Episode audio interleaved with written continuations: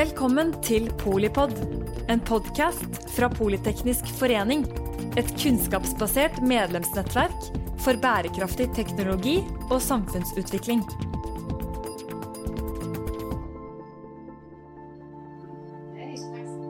Veldig kult å få være med og kickstarte denne studentforeningen med et, en samtale om NFTs og kryptokunst og Web3. Uh, og jeg sitter jo her med et helt rått uh, panel, bl.a. Sofia Adampour, som har starta eh, Skandinavia sitt første NFT-galleri. Det er jo helt rått. Velkommen her. Tusen takk. Så Olav Stubberud, du er jo en stjernefotograf, har jeg skjønt. Du har jo fulgt både Kigo og Justin Bieber og alt mulig. Og du har òg lansert din egen NFT-kolleksjon, Basic by Olav, som òg er klær og fotografier, i tillegg til NFT-en så Morten Søberg, som er driveren bak Svalbard Money, som er NFT-konseptet til eh, eh Sparebank1. Og så er du jo òg direktør for samfunnskontakt i Sparebank1-gruppen. Velkommen. Så tenkte jeg at vi må jo bli litt liksom, kjent med deres eh, personlige engasjement for NFTs, for det er fremdeles ganske tidlig. Eh, det er ikke så mange som vet hva dette er. Så jeg er litt interessert i å begynne med deg, Sofia. Du er ganske ung. Eh, du er bare 22 år. Du hoppa av studiene, eh, Induc-studier, for å satse på å bygge opp dette NFT-galleriet. Hvorfor det? Altså, hva tok deg inn i NFT-ens verden? Jeg var medlem i hva som tok meg inn. Jeg var jo uh, tidlig investor, holdt jeg på å si. Nei da. Eh, da jeg fikk penger fra Lånekassen i 2017 for første gang, så hadde jeg en sum på konto jeg aldri har hatt før. Det var litt ukomfortabelt. og jeg var. Ja, det var ikke. Og så er vi så heldige som bor i en velferdsstat hvor det er mulig. Eh, jeg har jo familie i Iran som ikke har samme muligheter, ikke den samme velferdsstaten. Så da jeg hadde en kusine som også kom inn på lærerstudiet samtidig som meg, um, så var det sånn OK, jeg vil jo hjelpe henne økonomisk, så hun kan få en liten kickstart, slik den norske staten har hjulpet meg å få en kickstart på min utdanning. Um, dette er jo ikke mulig uh, grunnet uh, økonomiske sanksjoner Iran er lagt under uh, av USA. Og fordi vi har en handelsavtale, en egen avtale med USA i Norge, så har, kan ikke privatpersoner her overføre midler til familiemedlemmer der nede. Um, det engasjerte meg veldig, og det på en måte ga meg en forståelse for hvilken verdi da blokkjedeteknologien kan tilby. Og da har man på en måte litt Man er kanskje litt privilegert hvis man ikke forstår den verdien, og så er man også privilegert hvis man forstår den verdien. Um, av hvilke anmeldelser det er. Uh, og da NFT ble en greie, så falt to verdener sammen. Jeg har jo alltid vært kunstinteressert, men kanskje følt på at jeg ikke har de riktige klærne når jeg skal gå inn i et galleri. Kanskje at lommeboken ikke har vært tykk nok. Og så har det vært en sånn barriere med bare det å gå inn. Men det var jo ikke den, den følelsen jeg hadde da jeg scrollet gjennom de ulike markedsplassene på nettet. Og det var veldig befriende, veldig engasjerende. Og tenkte først at dette må flere mennesker være med på. Skrev på en gruppe som er på Facebook. Nå er jeg kanskje hvor mange tusen medlemmer nå? 6000-7000. Da var det kun 300 medlemmer. Og da skrev jeg hei, noen som vil møtes til lunsj og snakke om NFT-er to eldre menn som svarte ja. Sånn, det holder ikke for Det er litt sånn, Skal jeg invitere dem hjem til meg? Hvordan fungerer, hvordan fungerer det? Hvor skal jeg møtes? Um, så var det egentlig engasjementet for å åpne Verse. Da. At man på en måte er rett ved Oslo OsloMet, framtidens Web3-brukere. Og på en måte er at døra er åpen, det skal være gratis for alle å komme innom og stille spørsmål. Og møte andre som er engasjerte. Så egentlig der vi møttes for første mm. gang. Og det er egentlig der jeg møtte gjennom Verse. Jeg møtte Morten og Olav. Ja. veldig hyggelig. Så det er nå rett og slett blitt et eh, kompetanse- og ressurssenter òg, i tillegg til at du kan komme og se eh, kunst som du da har hengende eh, der. Mm. Veldig gøy. Fin intro. Og Olav, eh, du har jo jobba som fotograf lenge, og så tok du først nå steget med å lansere din eh, ja, NFT-kolleksjon nå i høst, eh, på ordentlig. Mm. hva var det som fikk deg inn i NFT-ens verden? Um, det var liksom kunstsiden av det. Um, I og med at jeg, jeg jobber allerede, eller jobber og jobba allerede på uh, et konsept som var veldig orientert rundt liksom, det digitale, um, så hadde jeg egentlig ikke så mye erfaring med krypto. Uh, jeg hadde liksom selvfølgelig sett det som alle andre som har FOMO nå. Og så var det egentlig bare at jeg, Jeg hadde en kompis som heter Jason, um, som nevnte det for meg typ i desember, og så catcha jeg ikke helt på det. fordi jeg, liksom, jeg har hatt veldig tunnelsyn på det jeg har gjort veldig lenge. Noe som jeg ikke angrer på, men jeg kunne kanskje sett meg litt mer rundt. Um, og heldigvis rundt da så var jeg kanskje i en posisjon der hvor jeg på en måte hva skal man si, var mer åpen for nye ting. Um, så i februar så begynte jeg liksom bare å Hva skal man si Jeg begynte jo liksom å se på AR og VR og sånne ting, fordi jeg skulle liksom eh, implementere det i prosjektet mitt. Um, og da liksom stumble upon NFT, på en måte, mm. kryptokunst. Um, så da begynte jeg liksom på YouTube og liksom bare se rundt, og så uh, var det sånn, Hvem var det som nevnte det her? Og så bare hitta jeg opp Jason, og så bare du nevnte noe liksom kryptokunst. Ikke sant? Ja, ja, så han bare ja, ja, shit. Jeg, liksom, du har catcha han, liksom. Du, jeg bare ja, ja, det, fortell meg mer, liksom. Og så begynte jeg liksom deep dive, men problemet da var jo at det var veldig lite informasjon. Det var liksom under ti videoer på YouTube, maks, liksom. Um, så det tok meg bare masse veier, egentlig. Og så var det på en måte liksom akkurat rundt den kalde blow-upen som vi kanskje innad liksom så, som liksom skjedde rundt spesielt Beeple-salg og sånne ting. Veldig mye store tall som begynte å bli kasta rundt. Um, og så bare ja, liksom, jeg, selvfølgelig skal jeg gjøre NFT-er, for liksom, det er jo på en måte inn i det jeg allerede gjør. Men jeg liksom måtte finne min vei inn der, da. og det var på en måte liksom kanskje det vanskeligste. fordi det er sånn jeg, veldig, jeg, kan på en måte være rask på triggeren på noe, men kunsten min og sånne ting, det var jeg, det er liksom, man er veldig beskyttende på det. Så um, tok det meg ganske lang tid, egentlig liksom typ tre-fire måneder i hvert fall, med bare research. Så jeg, liksom, jeg gleda meg til å stå opp, og jeg hadde liksom ikke hatt den på veldig lenge. At jeg var sånn, gleder meg til å stå opp og lese mer, liksom. Um, og så minta jeg faktisk min første NFT. Um, typ, jeg husker ikke helt, det var sånn april-typ. Um, april-mai. Og så var det liksom sånn, føltes det på en måte riktig-ish. Og så liksom bare fortsette på den reisen der. Og det er liksom det som er litt kult med Space der, fordi det er liksom ingenting er på en måte egentlig feil til å begynne med. Det er litt mer den følelsen hva skal man si, det, Så lenge det er riktig for deg, så er det riktig for Space. på en måte. Mm. Og så lenge du på en måte gjør ditt beste, så er det på en måte riktig. Men uh, endte med at jeg liksom egentlig bare burna det, egentlig liksom sletta det fra blokkjeden. Fordi det føltes ikke riktig, fordi jeg ville gjøre jeg på en måte jeg følte at jeg pullet triggeren for tidlig. Og endte med måte, å rulle det ut sånn, sånn, jeg egentlig ville gjøre. Kanskje i en full kolleksjon av en større verden og sånne ting. Ikke bare NFT-er, men liksom kombinert med fysiske og, og, enten det er liksom flere collabs som er eh, Jeg gjorde to collabs med Balek, som var liksom sko, som var bare digitale sko. Og så med Trumrud, to collabs der. For å liksom orientere meg for å finne nye veier. Så jeg føler at liksom jeg til slutt på en måte fant min vei inn i det. Noe som jeg var veldig um, klar for å gjøre. Og det var liksom Enten det var å være på Twitter Spaces i time etter time liksom, hver dag og sånne ting. Og så nå være fysisk, noe som vi bare nevnte eller når vi snakka sammen.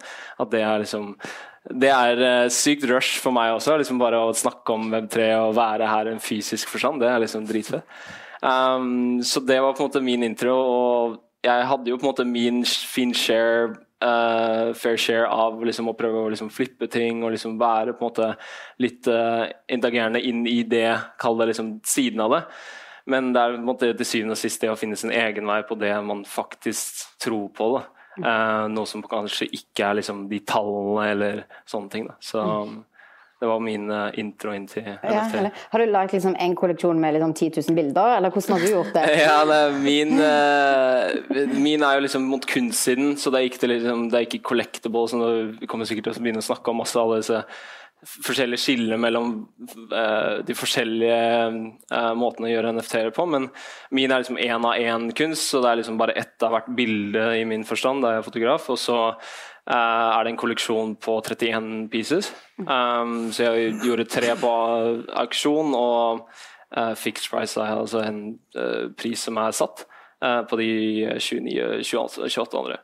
Um, så det er på en måte min side av det jeg tror på. Da. At jeg, liksom, jeg står for på, måte, på kunstsiden mm. av blokkjeden uh, versus kanskje collectable-sidene, som mm. kanskje snakker mer om. Herlig. Ja. Fin intro. Morten, og så over til deg som jobber i eh, Sparebank1, som fikk skikkelig lyst til å lansere et NFT-prosjekt. Eh, med en gang jeg hørte om det, så var det bare sånn Hæ, en bank som lanserer en NFT? Det hørtes veldig altså Det var veldig kult. All kred til deg. Ja. Fortell, hva, hva er dette Svalbard Money, og hvorfor var dette noe du kjente at dette må vi gjøre? Ja, nei, jeg har egentlig alltid vært veldig fascinert av Svalbard. Eh, det er kaldt, langt borte, artige dyr, våpen, snøscooter. Tøft og macho. Men så er det selvsagt slik at Svalbardtraktaten også er en studie verdt, og har også en sånn, hatt en viss attraksjonskraft på meg.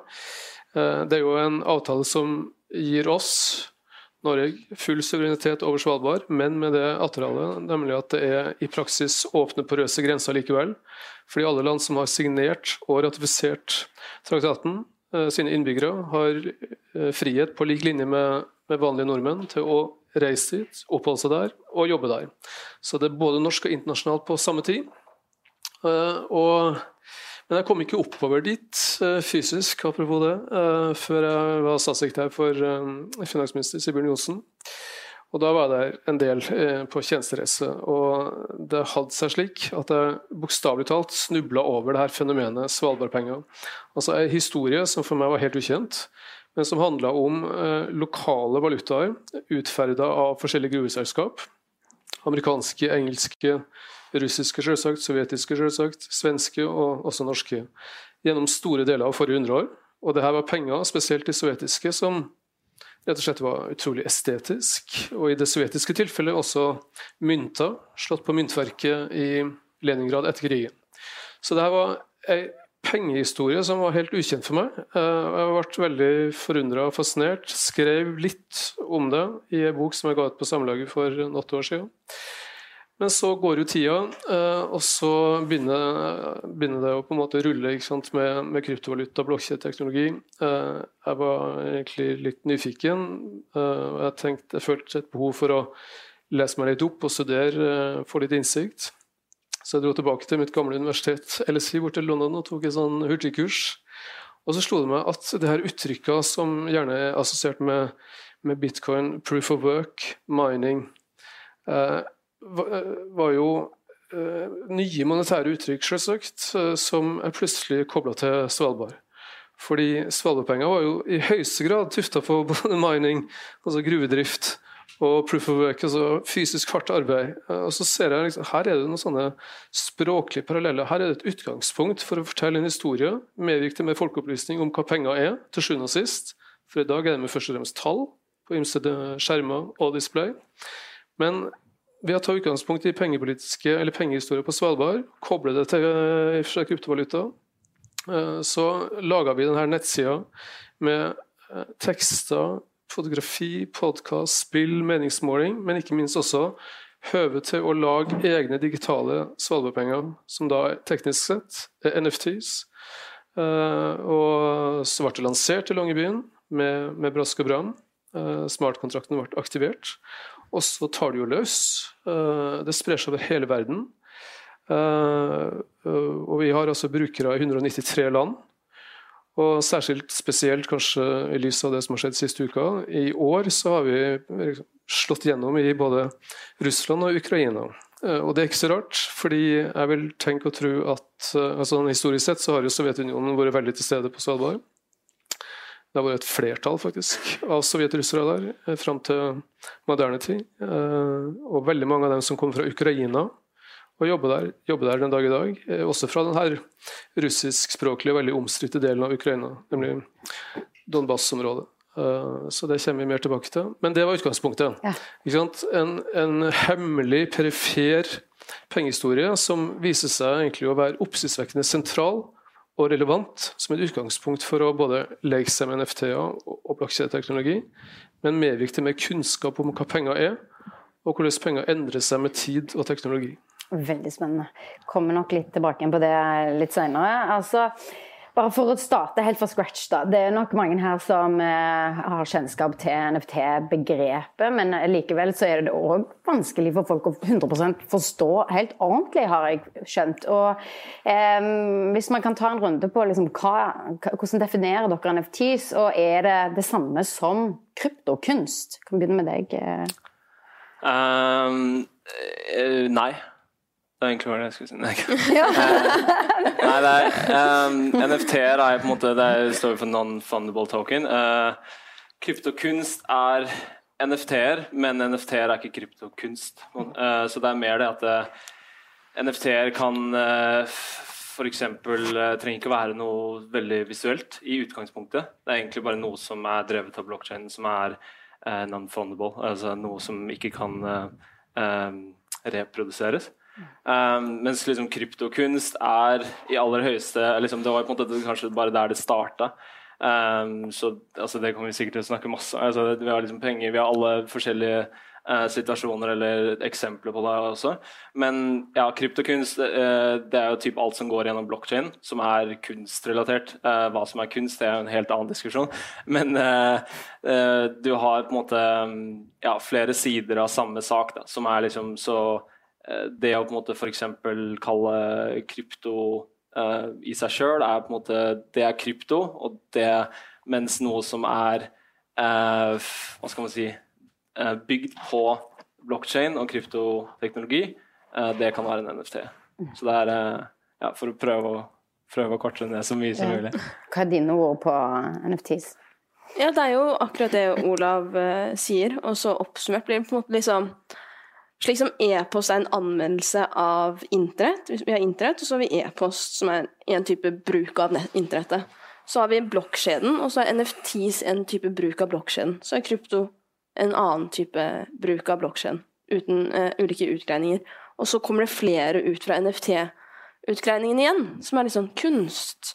Um, vi har sett klær, vi har sett um, eiendom som nå selges gjennom et bilde. Uh, penger. Så mye spennende, og dette er bare begynnelsen, så det er veldig gøy. Jeg føler meg veldig heldig som lever nå, da. Eller at ja. vi på en måte får være med på det. Og det er sånn en digital, en digital valideringsmetode, og du har jo nevnt sånn Andre eksempler er jo at i framtiden kanskje det kan bli pass, vitnemål. Eh, fortell litt om det. Ja, eh, det er jo enkelt å forfalske ulike dokumenter i dag. Eh, dette forhindrer jo NFTs pga. teknologien som er en, at det er en digital verifiseringsmetode. Du kan ikke nå plagiere. Har man et fotografi, så kan ikke jeg nå ta et skjermbilde og masseprodusere det. Og så vet man egentlig ikke hvor mange som var tillatt å produseres, hvem som produserte det først, eierskap. Um, og det gjelder jo mye annet nå. òg. uh, så bare det å kunne ta eierskap til digitale objekter er noe man nå kan gjøre pga. NFT-teknologien. Så det er jo veldig veldig spennende. Ja, du nevnte jo eh, ordet smart eh, contracts. NFTs er jo en smart contract. Mm. Um, kan du bare forklare kort hva begrepet smart uh... Ja, altså Albert Einstein skal ha sagt at gjør det så enkelt som mulig, men ikke enklere enn det. Uh, jeg skal prøve å følge opp det. Altså, når jeg tenker på NFT, så, så tenker jeg på, på, unikhet.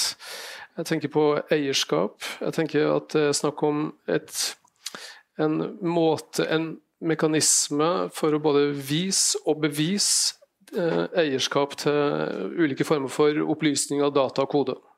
Simpelthen.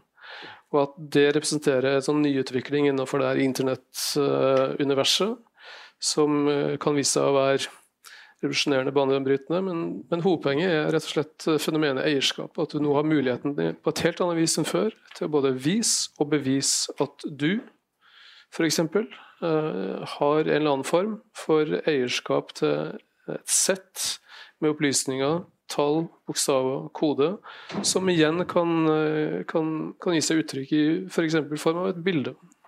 Men også mye annet, selvsagt. Du ja. nevnte dokumenter. du nevnte altså, Det å ha en reliable film. historikk på et eierskap, f.eks. Ja, du, ja, ikke sant. Jeg vil jo si at her til lands det, det har en del sånn politiske implikasjoner. ikke sant? Altså, det, det, er ikke alle land som har samme behov for denne teknologien. Ikke sant? Her til lands med kirkebøker og med utrolig gode eiendoms register og det ene med det andre. Vi har ikke uten videre samme behov for denne teknologien, men, men det er iallfall slik at denne teknologien gjør skiftende eierskap også mulig, uh, rent digitalt, og det er interessant. Og så er det jo, apropos denne kvelden også, slik at det er jo først og fremst innenfor kunstfeltet at det virkelig har fått stor oppmerksomhet. Så det er absolutt på sin plass at vi snakker om først og fremst det. Og man, vi hører jo om eh, alle disse kunstprosjektene som blir solgt for millioner av eh, kroner, bl.a. Beeple og Board Ape, eh, som ligger på eh, to millioner. Altså, hva er det som eh, Hvorfor er det verdt så mye? Hva er det som gir det verdi? Altså, det er det er jo på en måte de, altså Disse store tallene er kanskje det som har på en måte kanskje solgt NFT mest. Noe som er bra, men det er veldig misledende. Det er jo det er litt sånn, Hva som er prosentandel av NFT-er som ikke selger, det vet jeg ikke, men det er sinnssykt mye uh, som ikke selger. Så det er på en måte, du, Akkurat de du nevner nå, er jo på en måte de største. Det er liksom, det er 0,0001% Det er ikke 1% engang. på en måte. Så altså det at uh, noe har en verdi, er jo bare litt hva den neste mannen er villig til å betale. Det er jo liksom Når du begynner å snakke om kunst og collectible, som, som vi på en måte prøver å holde oss kanskje litt til her, det er jo på en måte Eh, vi skulle se på hvorfor er eh, første Charizarden Pokémon-kort verdt uh, altså tre millioner dollar, liksom. Mm. Um, og Det er jo fordi at det, liksom, det, har jo en historisk verdi, og det har liksom en visuell verdi for noen. og det er liksom, så det er sånn, Hvis man begynner å snakke om hvorfor noe har en verdi, så er det jo på en måte en hva skal man si, Da er det en veldig stor diskusjon, men til syvende og sist er det jo det at vi har NFT-er også, uh, som gjør at uh, Eh, det her blir enda mer reliable, eh, og at vi kan eh, ja, at vi har en reliable historikk da, for noe som er ekte. Og det er på en måte kanskje der det ligger. Men hvorfor de har verdi, er jo fordi at det, det er jo kanskje liksom Bård Yacht Club er jo en av de store, og du har masse utility. Det vil si at det, du får tilgang på forskjellige ting når du holder den NFT-en, og det er en kjempegøy ting som vi kan snakke masse om også det å på en måte ha et uh, medlemskap et sted pga. en NFT. Og litt som du var inne på også med smart contracten og sånne ting, er jo at uh, disse um, prosessene kan automatiseres. da. Uh, så det med Wallet Connect, kan, det er jo litt samme som bank-ID og sånne ting. og det kan gjøre at vi F.eks. jeg kan verifisere at jeg eier en NFT, og så kan jeg komme inn på en klubb eller åpne bilen min. eller altså sånne ting. Så det er liksom, Hvorfor noe har en verdi, det er ja, det er liksom Gudene vet, holdt jeg på å si. Men uh, det er til syvende og sist f.eks. kunst, så er det jo selvfølgelig man kjøper seg inn i kunstneren, og collectable, så er det jo en uh, Ja, hvor, mange, hvor, hvor er demandet, og hva tilfører det? Ja, sånne ting. Mm. Hvorfor du, tror du noen bruker så mye penger? Hvorfor bruker du så mye penger på det? jeg bruker ikke så mye penger. Jeg var litt tidlig ute, så det er jo noen prosjekter jeg ikke hadde gått inn i, som jeg nå er en del av, men ikke hadde gjort hvis eh, jeg ikke hadde gjort det på det stadiet jeg gikk inn i. Eh, viktig at man kun går inn med en sum man er komfortabel med å miste. Det må bare sies med en gang. Eh, det er jo som alt annet tilbud og etterspørsel. Når det kommer til det visuelle, vi har jo hatt alt fra Damien Hirst, som er en tradisjonell anerkjent kunstner som har en NFT-kolleksjon som startet på eh, Det var 30 000 som var interesserte eh, i slippet hans. Kun 10 000 utgaver som var tilgjengelige, så det var en sånn raffle, sånn at man ble tilfeldig valgt ut. Eh, de, er, de, går nå for 16 000 dollar, som er relativt en god pris for Damon Hirsts verk, når man tenker over det. Du kan jo også, Det han gjorde der, var også interessant. Han har noen fysiske verk som er inne på et hvelv i London, og så har han disse digitale NFT-ene. Og innen utgangen av juli 2022 så må man bestemme seg om man vil ha det fysiske eller det digitale. Så da får jeg virkelig se, da. Altså han setter opp det digitale mot det fysiske, hva folk tror vil ha mest verdi i framtiden. For det er mest sannsynlig det man velger, eller det man investerer i, da. At man har et ønske om at det også skal vokse eh, fremover. Mm. Så, og hvis du velger det fysiske, så vil det digitale brennes, slik du gjorde med ditt verk. Um, og så hvis man har det um, digitale, si at man velger det, så må man uh, så vil det fysiske destrueres. Uh, interessant. Uh, spørsmålet var igjen hvorfor det har de verdiene. Hvorfor, ja, eller hvorfor vil folk bruke så mye penger på akkurat dette? Og, ja, akkurat som Olav nevnte, det er, det er det visuelle. Det er kunst at man finner noe man er komfortabel med å eie, er behagelig, du ønsker å støtte kunstneren, du, vil ha et skjermbilde du vil ha en form for eierskap til. Um, og så på en annen side så har man nå um, utilities og kolleksjoner som tilbyr andre ting. Bård apene, disse apene gikk jo veldig mye opp i verdi da ulike uh, tilbud ble annonsert. Da. Nå har du på en måte, da jeg var i New York på NFT så kunne, så kunne du vise at du hadde en ape i din digitale lommebok, og så fikk du tilgang til en privat båtfest hadde World of Women NFT-en, en eh, sånn kvinnerelatert en NFT-prosjekt som fokuserer på kvinner innenfor kryptospacet, så fikk du en gratis brunsj for beste Manhattan. Treretters og mm, bobler inkludert. Så det er jo andre ting um, som styrer prisen. Med en gang disse annonseringene kommer, så ser vi at det blir liksom OK, Justin Bieber gikk inn i Board Ape, han betalte 10 millioner for en. Okay, da, og så ser du at han har kjøpt en av de som er litt dyre, så de som er litt billigere, går også opp fordi de ønsker å være en del. Sånn er det også fungerer. Um, men det er jo community først og fremst som driver frem det her, at folk er litt frivillige i begynnelsen og ønsker å bygge opp en merkevare. Så de ulike NFT-ene er også en måte å investere som en aksje. Det er også at du på en måte investerer i et prosjekt og hva de lover. Eh, når det kommer til den siden, og ikke den kunstneriske, hvor man faktisk ønsker Det, det håper jeg virkelig skjer. Jeg tror 2022 er året for fotografi-NFT-er. At man ser, ja. altså, man ser verdien der, um, og kan ha eierskap, for det er også nummerert. ikke sant? Hvis man slipper ut 15 stykker, da fikk jeg nummer 4 av 15. Det er akkurat som Og det kuleste med dette er jo at ved videresalg så får kunstneren en eh, prosentandel tilbake eh, hvis det er programmert inn i smartkontrakten. Eh, det har tidligere ikke vært mulig. Da jeg dro og kjøpte et print av Nicolai Torgersen for 4500 kroner, og dagen etter kunne selge det for 11 000 på Finn, da kunne jo ikke Nikolai se en eneste krone av den verdistigningen. Og det er litt urettferdig. Og hvordan skal jeg liksom ta kontakt? 'Hei, Nikolai, skal jeg vippse deg?' Eh, en liten del. Men nå med smartkontrakter med videresalg, så vil jo de automatisert liksom, Der er dette også automatisert inn, da, at de får en prosentandel med videresalg. Ja. Vi hører jo begrepet scam veldig mye tett til NFTs. Eh, hva, hva er, hva, er det mye scam ute og går? Hvordan merker man hva som er scam og ikke? Nei, si det. Um uh, men bare litt mer til det som ble sagt yeah. her i stad. Først fordi har liksom to refleksjoner. Det, det, ene som er veldig slående når du sitter og ser på, på det her bildene som da eh, tar jeg hvit speiler NFT òg, ikke sant? Ja. Det du viser frem også. Ja. Det er jo at en, en NFT er jo Dersom du sammenligner med et ordinært fotografi, da, så er det jo så til de grader et overflatefenomen. Og For å bruke en sånn arktisk metafor altså du det er lett å tenke på et isfjell. ikke sant? Du ser 10% og så er 90% under, uh, under vassyta.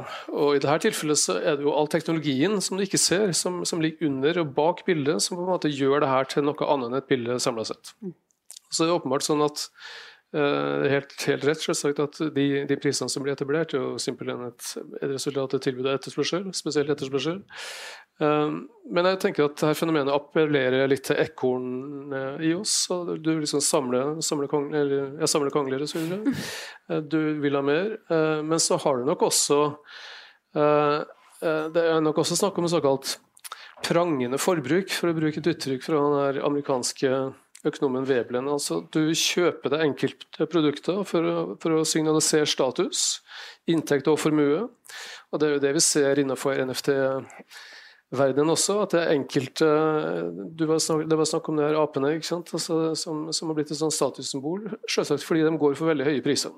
Ikke sant? Det er så enkelt. Så det, jeg tror nok du ser uh, helt sånn elementære, velkjente menneskelige atferdsmønster her også men bare anvendt på noe, på noe høyteknologisk i stedet ja. for på biler og klær. Ja, ja, det er rett og slett å fortelle, Man forteller til verden hvem man er, hva man står for, hvem man eh, ønsker å være en del av, å assosiere seg med. Altså, det er rett og slett en kommunikasjonsform. Eh, det, som, det, som, kan nevnes, er jo at alt er transparent. Eh, du, jo, du ser jo på en måte all historikk, så det er jo også en faktor, akkurat det dere nevnte der med med tanke på at uh, jeg kan se hvor mye de har betalt for det. Uh, og det er jo sånn, også et statussymbol også, du, hvis, du begynner, hvis, du vil se på det.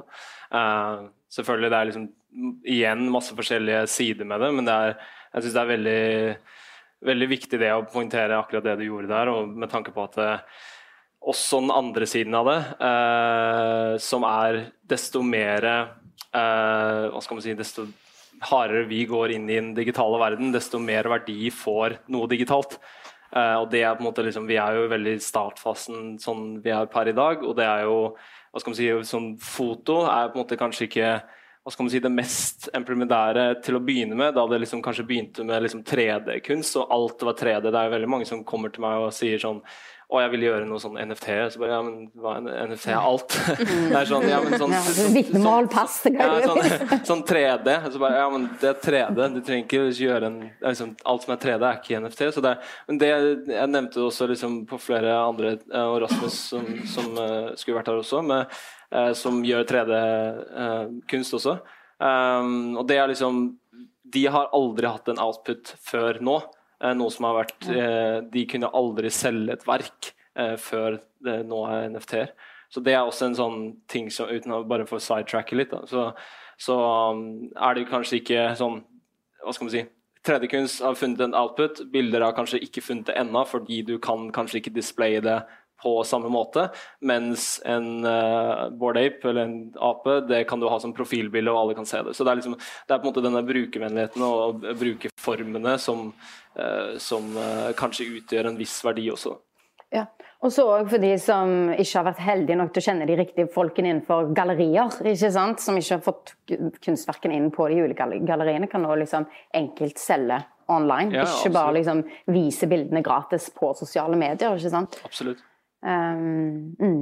Er det noen, noe dere vil legge til videre før vi går til litt sånn scam? Nei, vi, altså, det er en veldig flytende overgang her. Ikke på den måten at Veldig mye av den såkalte NFT-kunsten framstår jo som scam i den forstand at liksom, det her er ikke særskilt imponerende. Det er ikke spesielt provoserende. Det, det, endrer ikke tankesettet ditt. Uh, det er veldig lite som på en måte framstår som kunst med stor K, i den forstand at det her, er, her provoserer det, opprører det, endrer det. Uh, så jeg tror nok vi er inne i en veldig sånn tidlig fase der det er veldig veldig mange som, som på en måte hopper på denne bølgen og surfer litt. Eh, men det som er spennende, er jo i og for seg det som du var inne på også, at det, det, det er flere hva skal vi si, ordentlige kunstnere som på en måte fatter interesse for teknologien, og som kanskje også kan medvirke til å, å bruke teknologien til å finne fram til nye uttrykksformer. Fordi det syns jeg ikke vi ser så veldig mye av. Eh, og veldig mye av det som går for ekstreme priser, virker jo virker jo nesten som ting som kunne vært laga i en barnehage, ikke sant. uh, men, men, det er jo veldig mye AI-algoritmer involvert ja, også i sånne ting, så det, så det, er jo egentlig hvem som det, det, det er et islett, et islett av Keiserens nye klær her. Um, ja, sorry. Nei, det uh, Nå snakker jeg ikke om vårt prosjekt også. Nei. uh, men vi snakker om mitt. uh, nei, altså det er jo en altså det er jo masse scam. Altså det er jo det er masse, masse. Det, er liksom, det har vært i krypto med tanke på liksom pump and dumps.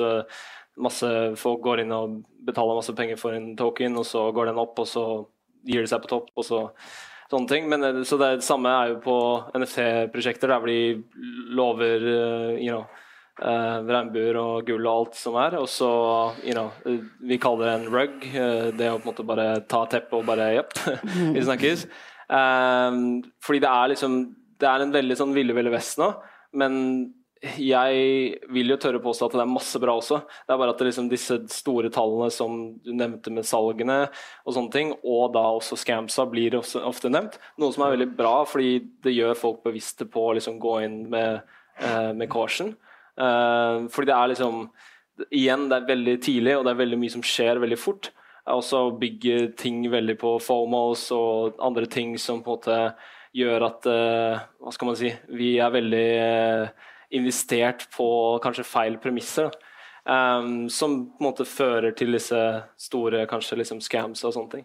Um, og da liksom gå tilbake Nå crosser vi mye temaer, men sånn for å For oss kunstnere så er det jo liksom det å selvfølgelig pushe Weave spacet for det vi faktisk tror på så er jo det det beste vi kan gjøre. Det å tilføye nye liksom, uttrykksformer eller nye hva skal man si, måter å implementere smart contracts eller sånne ting. Uh, det er jo på en ting, det er jo ting som får folk til å ville entre space også. ikke sant?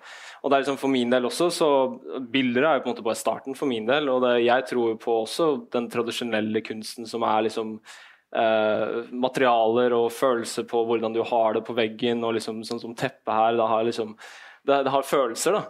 Uh, og på den andre siden så er det masse ting som har åpna seg som aldri kunne vært kunst med mindre, som jeg nevnte, med 3D og liksom sånne ting, så er det masse ting som, som, skjedde der. Og det er jo på en måte litt det som skjedde i starten. Det var på en måte 3D som kan kalle det disrupta, på en måte, som, som var på en måte push forward. og og det var på en måte der det på en måte begynte med kryptokunst. Så det er liksom, vi trenger flere sånne faser, bl.a. Liksom tradisjonelle kunstnere og bare rå kunstnere generelt, som, som er hypp på å gjøre noe nytt. Da.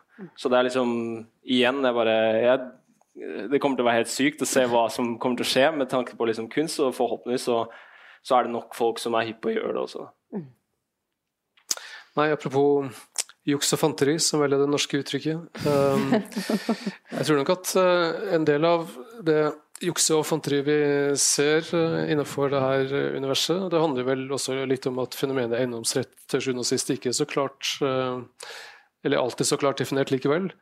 Uh, altså, Selve forretningsideen til NFT er jo på sett og vis å være et uttrykk for en ny form for eiendomsrett. Men, men, det underliggende, som eh, NFT-en tross alt speiler eller gjengir, eller på en måte uttrykker, uh, der kan det være mer, mer, komplisert. Og Vi møttes jo på denne konferansen borte i New York som du nevnte her i stad. Og På den samme konferansen var jo den kjente filmskaperen Tarantino. Og Han lanserte jo da, eller han skisserte jo, lansert, han offentliggjorde at han, under NFT-en så, så, kan det være uklare forhold hva gjelder også eiendomsrett, og som kan føre til ufrivillig juks og fanteri. I den forstand at sant, det her er ikke uten videre kjent mm. verken for den som lager NFT, eller for den som kjøper og investerer i den. Mm. Hva bør man tenke på hvis man skal investere? For å unngå skam, liksom? Unngå skam? Mm, ja, eller liksom for å navigere på best mulig måte, helt enkelt mye, mye research først. Uh, nevnte i stad, går med en sum jeg, Du kan bli skammet når som helst. Jeg, til og med Damon Hirst. Jeg, sånn, jeg stoler ikke på fyren. Men uh, Nei, det er jo at teamet er dokset, først og fremst. At du ikke går Og det betyr? At man har sitt ansikt, at man kan se og navn og hørt stemmen. At man kanskje får vite i ettertid at ok, hvis det, ikke, hvis det ble en rug pull, hvis, man, hvis teppet ble dratt, så kan de stå til ansvar for det. Um, se på Er det noe man Hvis det er kunst, så må du jo bare kjøpe verket for du ønsker å eie det, selv om verdien er null. At jeg mm. synes det er, rent, det, er, det er en fin opplevelse å eie det og ha det og se, kunne se på det og stille det ut. Um, hvis rett, rettighetene er der, som er avhengig av svarkontrakten igjen.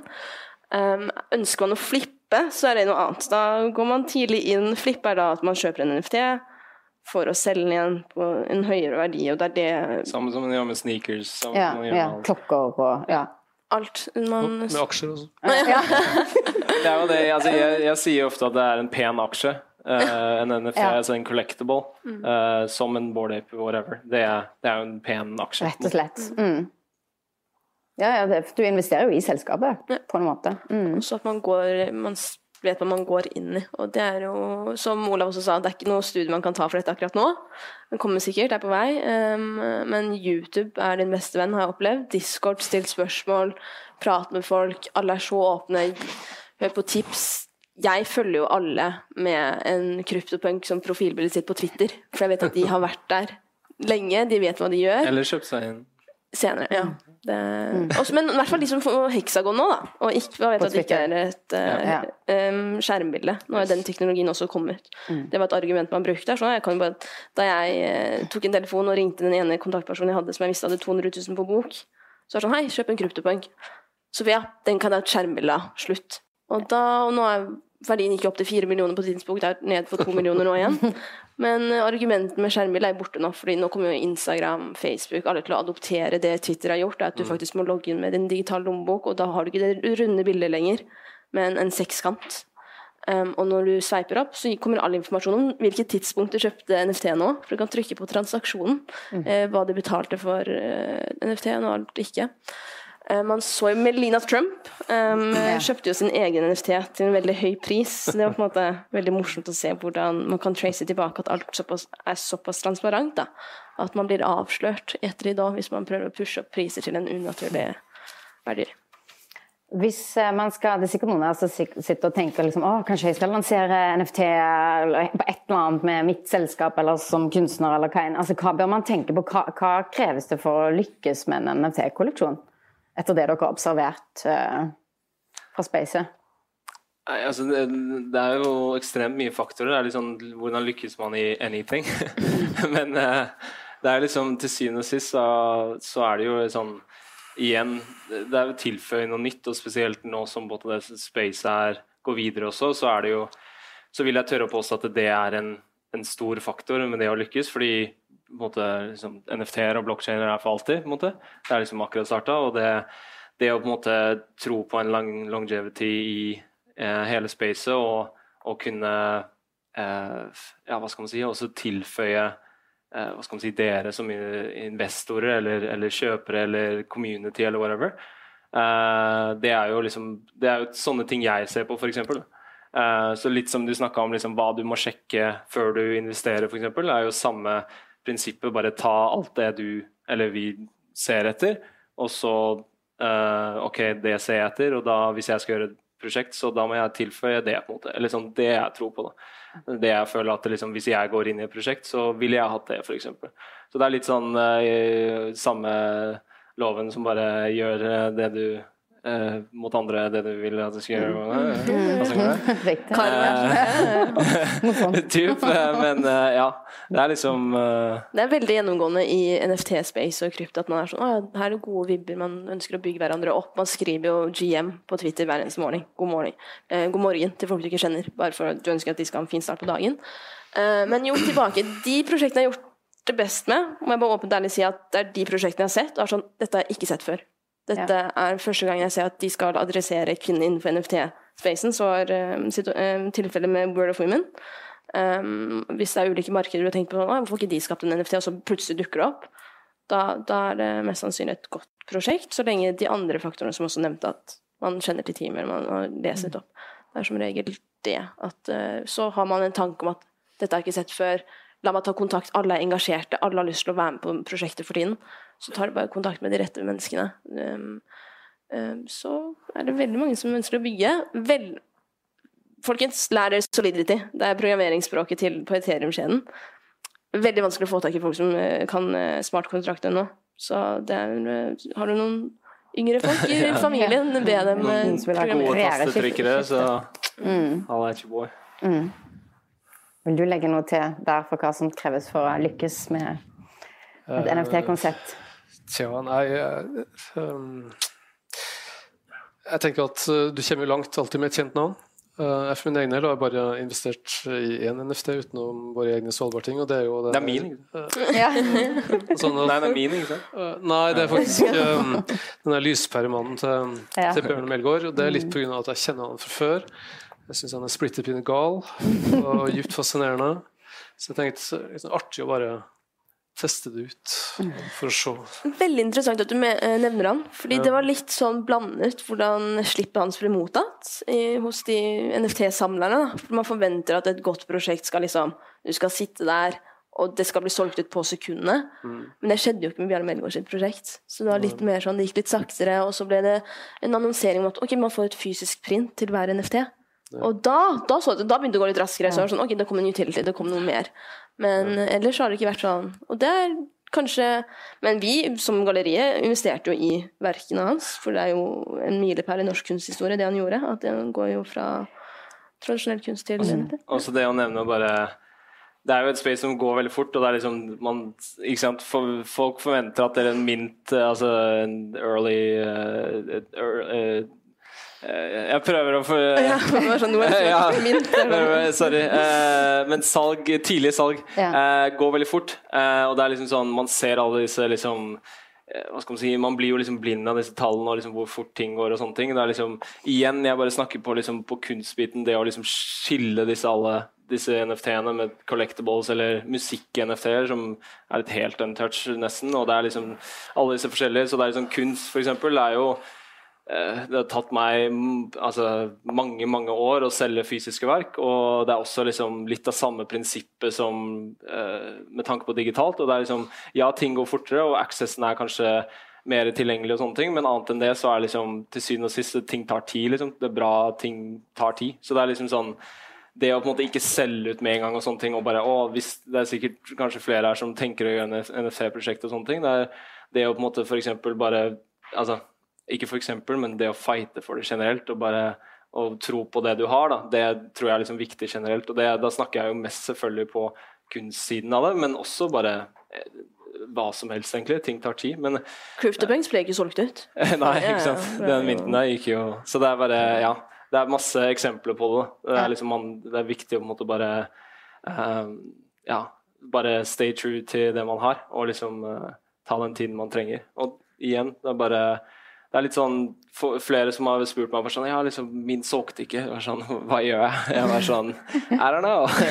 You do more shit. Like, you, yeah. du, altså, ja, gjør noe bedre, eller liksom altså, Så det er liksom det ene selger det andre, type, liksom, og sånne ting. Og det er, det er jo litt den consistencyen også som er liksom en, et godt eksempel. Og det er kanskje liksom en sånn key to success også. Og det er liksom Det er jo i alt, men det å på en måte liksom launche et prosjekt og så bare fortsette, og det å faktisk liksom tilføye og tilføye og bygge og sånne ting, det er liksom ene selger eller andre. Typ. Så det er liksom det, Jeg har på en måte vært heldig å selge ut veldig fort og sånne ting, men ikke sånn sinnssykt fort, men fort uh, nok, og mye fortere enn jeg hadde tenkt.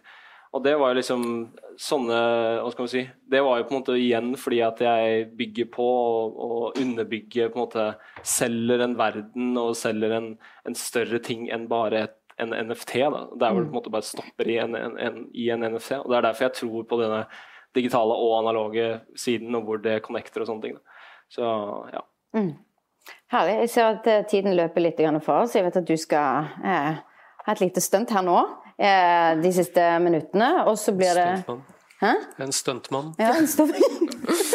og så skal, kan vi ta spørsmål fra salen eh, etterpå. Så eh, Men ja, det er sånn altså det er så tidlig òg ennå. Jeg må bare legge til det at det, det er, man trenger å få mer eh, kompetanse og kunnskap ut til folket i Norge. Jeg tror det er derfor han ikke solgte ut eh, sånn bang Bjarne. fordi at det er fremdeles så ferskt. Du ser at folk, nyhetene og media har ikke begynt å skrive nesten om dette ennå. Så, det så, så, jeg tror nok det spilte det inn. Altså det å skulle liksom opprette en wallet, og har du aldri liksom gjort dette før, så, virker, så, er det jo veldig fjernt og veldig komplisert. Jeg tror virkelig det som kommer til å måte, få massene inn i NFT-er generelt, det er jo liksom når NFT-er begynner å gjøre livet vårt lettere. på en måte. Ja. En ape eller en punk gjør jo ikke livet vårt lettere. nei, nei. Det, liksom, det, gjør det kanskje kulere til en viss grad, men til syvende og sist så er det liksom når det først kommer i en sånn konsumervennlig pakke, at du åpner bilen din med en NFT ja. eller gjør sånne ting. Det er på en måte da på en måte, og bare sånn, Å ja, det er det som er en NFT-type. Liksom, det er AK alt. på en måte. Så det, mm.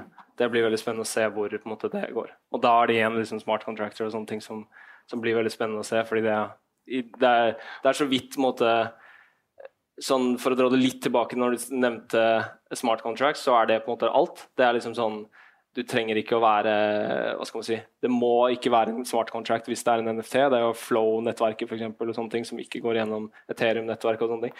Så det er liksom igjen, det er, bare, det er ikke liksom satt i én ting. Så det er på en måte, det er bare igjen det er liksom sånn jeg skal ikke dra det ut nå, men det er liksom alt. Det er bare mm. yeah. Det er et rabbit hole som faen. Men uh, bare begynn et sted, og begynn et sted du, du, tror på sjøl, liksom. Som finner en intro til deg sjøl.